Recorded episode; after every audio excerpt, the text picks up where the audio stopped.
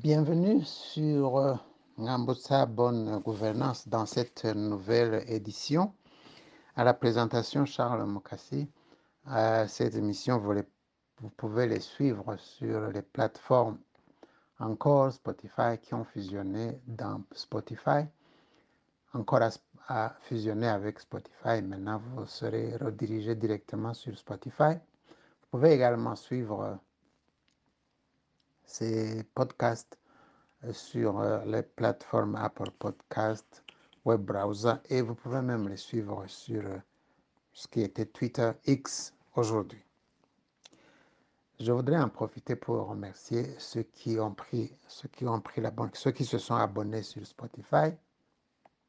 Mais vous pouvez également vous abonner sur vos autres pla- plateformes de préférence, mais je vous recommanderais sincèrement de le faire sur Spotify. Et de un. Deux, euh, je remercie ceux qui nous envoient leur courrier et continuent euh, de nous donner, de nous faire des encouragements et euh, de nous faire parvenir leurs commentaires pour qu'on sache euh, si on est encore dans le bon et si euh, nos émissions, euh, nos commentaires, nos observations rencontrent vos souhaits car nous avons plus à vous satisfaire qu'à vous décevoir. Enfin, je remercie la personne qui nous aide à vous faire parvenir ces émissions dans les conditions les meilleures. Au moment où nous enregistrons, les Barundi, ben, les autres personnes, peuple de bonne foi, se souviennent de l'assassinat de Rwagasore Louis, premier ministre du Burundi et prince, premier fils du roi Mwambutsa IV au Burundi. C'était en 13 octobre. La plupart des intervenants, quand vous écoutez les radios, les médias, quand vous lisez à gauche, à droite, la question que tout le monde se pose, c'est est-ce que l'héritage de a été respecté ou est d'application? Aujourd'hui? Ce qui, à première vue, signifie qu'il y en a, qu'il y en a un. Il y a un héritage. Il existe un héritage euh, d'ampleur, à tel point que tout le monde souhaite en parler, se pose des questions sur, non pas sur la nature de cet héritage, apparemment, tout le monde est au courant, et peut-être pas, nous y reviendrons, mais au moins la question est de savoir, est-ce que... Mais poser la question, c'est en même temps y répondre. Ça veut dire qu'aujourd'hui, si les gens se posent la question sur la mise en application, sur le suivi de l'héritage de Rwagasore, ça veut dire que probablement, je dirais certainement, il y a insatisfaction chez toutes ces personnes ou les porte-paroles por- des personnes qui pensent que, croient, sont certains que cet héritage n'est pas d'application aujourd'hui. Ça ne veut pas dire que l'héritage n'est pas là. Et c'est peut-être là le premier succès de l'héritage de Rwagasore. Ça veut dire, même ceux qui ne l'appliquent pas savent qu'elle existe, savent qu'il existe. Et peut-être commençons par là. Quel fut, pour moi, hein, bon, on peut dire beaucoup de choses. Rwagasore, c'était quand même une personnalité qui ne passait pas inaperçue. Elle est même devenue Premier ministre, le Premier ministre du Burundi, le leader vainqueur des premières élections, est probablement le seul libre et démocratique. Rwagasore fut un modèle d'unité nationale. Je crois que c'est le premier héritage indivisible auquel tout le monde pense aujourd'hui, particulièrement en ce moment où le Burundi est profondément divisé, contrairement à ce que les gens peuvent dire ou penser. Mais cette unité a été mise au service du peuple burundais, par le peuple burundais, ce qui en fait un réel élément de démocratie. Mais pourquoi? Pour abattre le régime colonial. C'est un témoignage profond, irremplaçable, qui prouve que aucun régime ne peut résister à un peuple uni. Aucune dictature. Parce que la colonisation, c'était quand même une dictature forte et puissante, très puissante. Mais cette dictature n'a pas pu résister face à une idéologie d'unité nationale, face à un peuple uni, face à un leadership qui parle et agit au nom de l'unité nationale de manière visible et convaincante, parce que nombreux sont ceux qui parlent d'unité nationale sans y croire, et le peuple le sent, le peuple le flaire, le peuple le sait. C'est que les leaders peuvent être des tricheurs, même quand ils parlent d'unité nationale, de développement ou d'autres choses. Ce modèle d'unité nationale, donc, contre la tyrannie, contre le racisme, contre le génocide, a été un exemple majeur dans la lutte politique.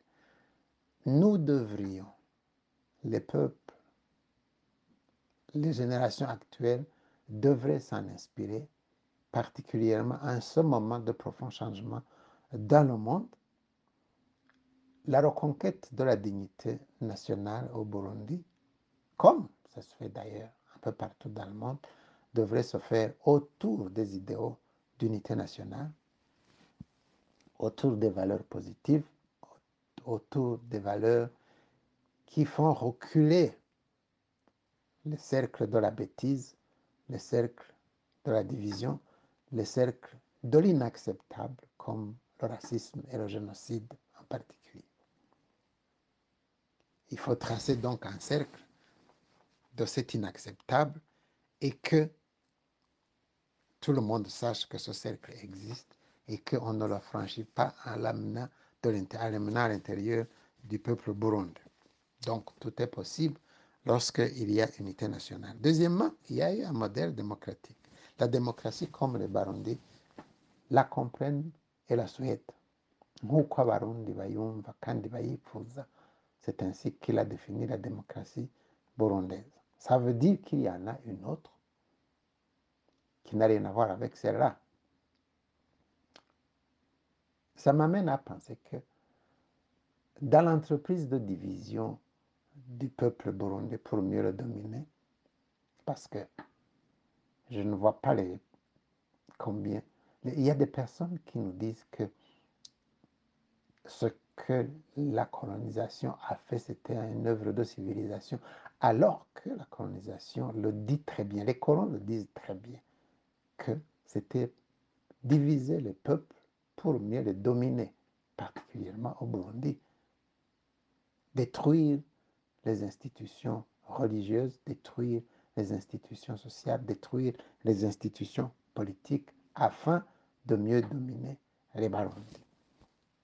Je crois que cette tactique qui est, c'est une théorie, une politique, une pratique très antique depuis les Romains, diviser pour régner, ce n'est pas nouveau. Et euh, je pense qu'aujourd'hui encore, ben, c'est d'actualité. Et le multipartisme, parfois, est utilisé dans cet objectif plutôt qu'un objectif démocratique. C'est un outil de diviser particulièrement nos peuples. Peut-être même c'est un outil pour dominer les peuples, même européens, américains, etc. Je crois que plus on a des partis, mieux on peut jongler. Mais ça, c'est un autre sujet. Bref, Rwagasore nous a rappelé donc qu'il y avait cet autre modèle de démocratie, lequel pouvait vaincre la démocratie raciste, la démocratie génocidaire. Vous allez me dire que qu'on ne peut pas parler de démocratie raciste, de démocratie génocidaire, mais on n'a que ça au Burundi. Comment peut-on transformer publiquement, se vanter d'avoir promu une démocratie basée sur des éléments racistes, sur des pratiques génocidaires. Le génocide a été même baptisé, transformé, rebaptisé défense de la démocratie au Burundi. Et il y en a qui croient, il y en a qui nous enseignent que, que cela est vrai, il y en a qui nous demandent d'y croire. Bref, ce modèle de démocratie est un modèle qu'il faut garder à l'esprit. Nous en aurons besoin pour relever le Burundi, nous relever de la décadence, parce que c'est toujours possible de se relever de la décadence, à condition qu'on y mette le prix, c'est-à-dire la foi dans les valeurs positives comme les institutions de Washington et d'unité nationale. Enfin, le nous a laissé un exemple, un modèle d'évaluation institutionnelle, un modèle d'évaluation des dirigeants politiques. Quel est le vrai symbole, le vrai signe d'un pouvoir digne, d'un pouvoir démocratique? Il a dit indirectement lorsque vous n'avez pas une bonne gouvernance, vous n'aurez pas la paix. Lorsqu'il n'existe pas de bonne gouvernance, vous n'aurez pas la dignité du peuple. Lorsqu'il n'y a pas de bonne gouvernance, vous n'aurez pas la justice. Lorsqu'il n'y a pas de bonne gouvernance, vous n'aurez pas le développement. Prenons la chose à l'envers maintenant. Est-ce que nous avons un Burundi développé Est-ce que nous avons une bonne démocratie? Est-ce que nous avons une bonne justice? Pas une bonne justice, la justice tout court, la justice n'a pas, pas à être bonne. Quand il y a la justice, elle est forcément bonne. Il y en a même qui disent justice pour tous. Non. justice, c'est justice. Forcément. Quand vous devez préciser la justice pour tous, c'est qu'il y a une justice pour les uns. Ce n'est plus la justice. En d'autres termes, aujourd'hui, il y a un doute profond sur la bonne gouvernance. N'en déplaise aux propagandistes des régimes en place, ceci n'est pas nouveau. Et que les, que les tenants du pouvoir actuel ne disent pas Oh, vous nous en voulez, vous nous détestez parce que nous ne sommes pas les alliés des anciens. Non. Je dirais même que les anciens sont devenus les nouveaux parce que en termes de changement, je ne vois pas ce qui a changé. Un racisme a remplacé un autre. Le génocide institutionnalisé. Nous marchons toujours sur une idéologie raciste. Le racisme anti-Tutsi qui a pu générer d'autres formes de racisme et d'exclusion, il est là depuis la période des indépendances au Rwanda. Oui, premier, la première extermination des Batutsi au Burundi date de 1965. Quel dirigeant avait été assassiné pour le venger? 1972. Oui, 88. Donc, c'est cette même.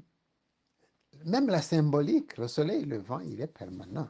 Donc, comment peut-on se vanter d'avoir une idéologie comme celle-là, celle que euh, les historiens comme Jean-Pierre Chrétien a désigné, ont désigné comme étant le nazisme tropical, comment est-ce qu'on peut se complaire, se vautrer dans cette dans cette médiocratie, dans cette impureté idéologique.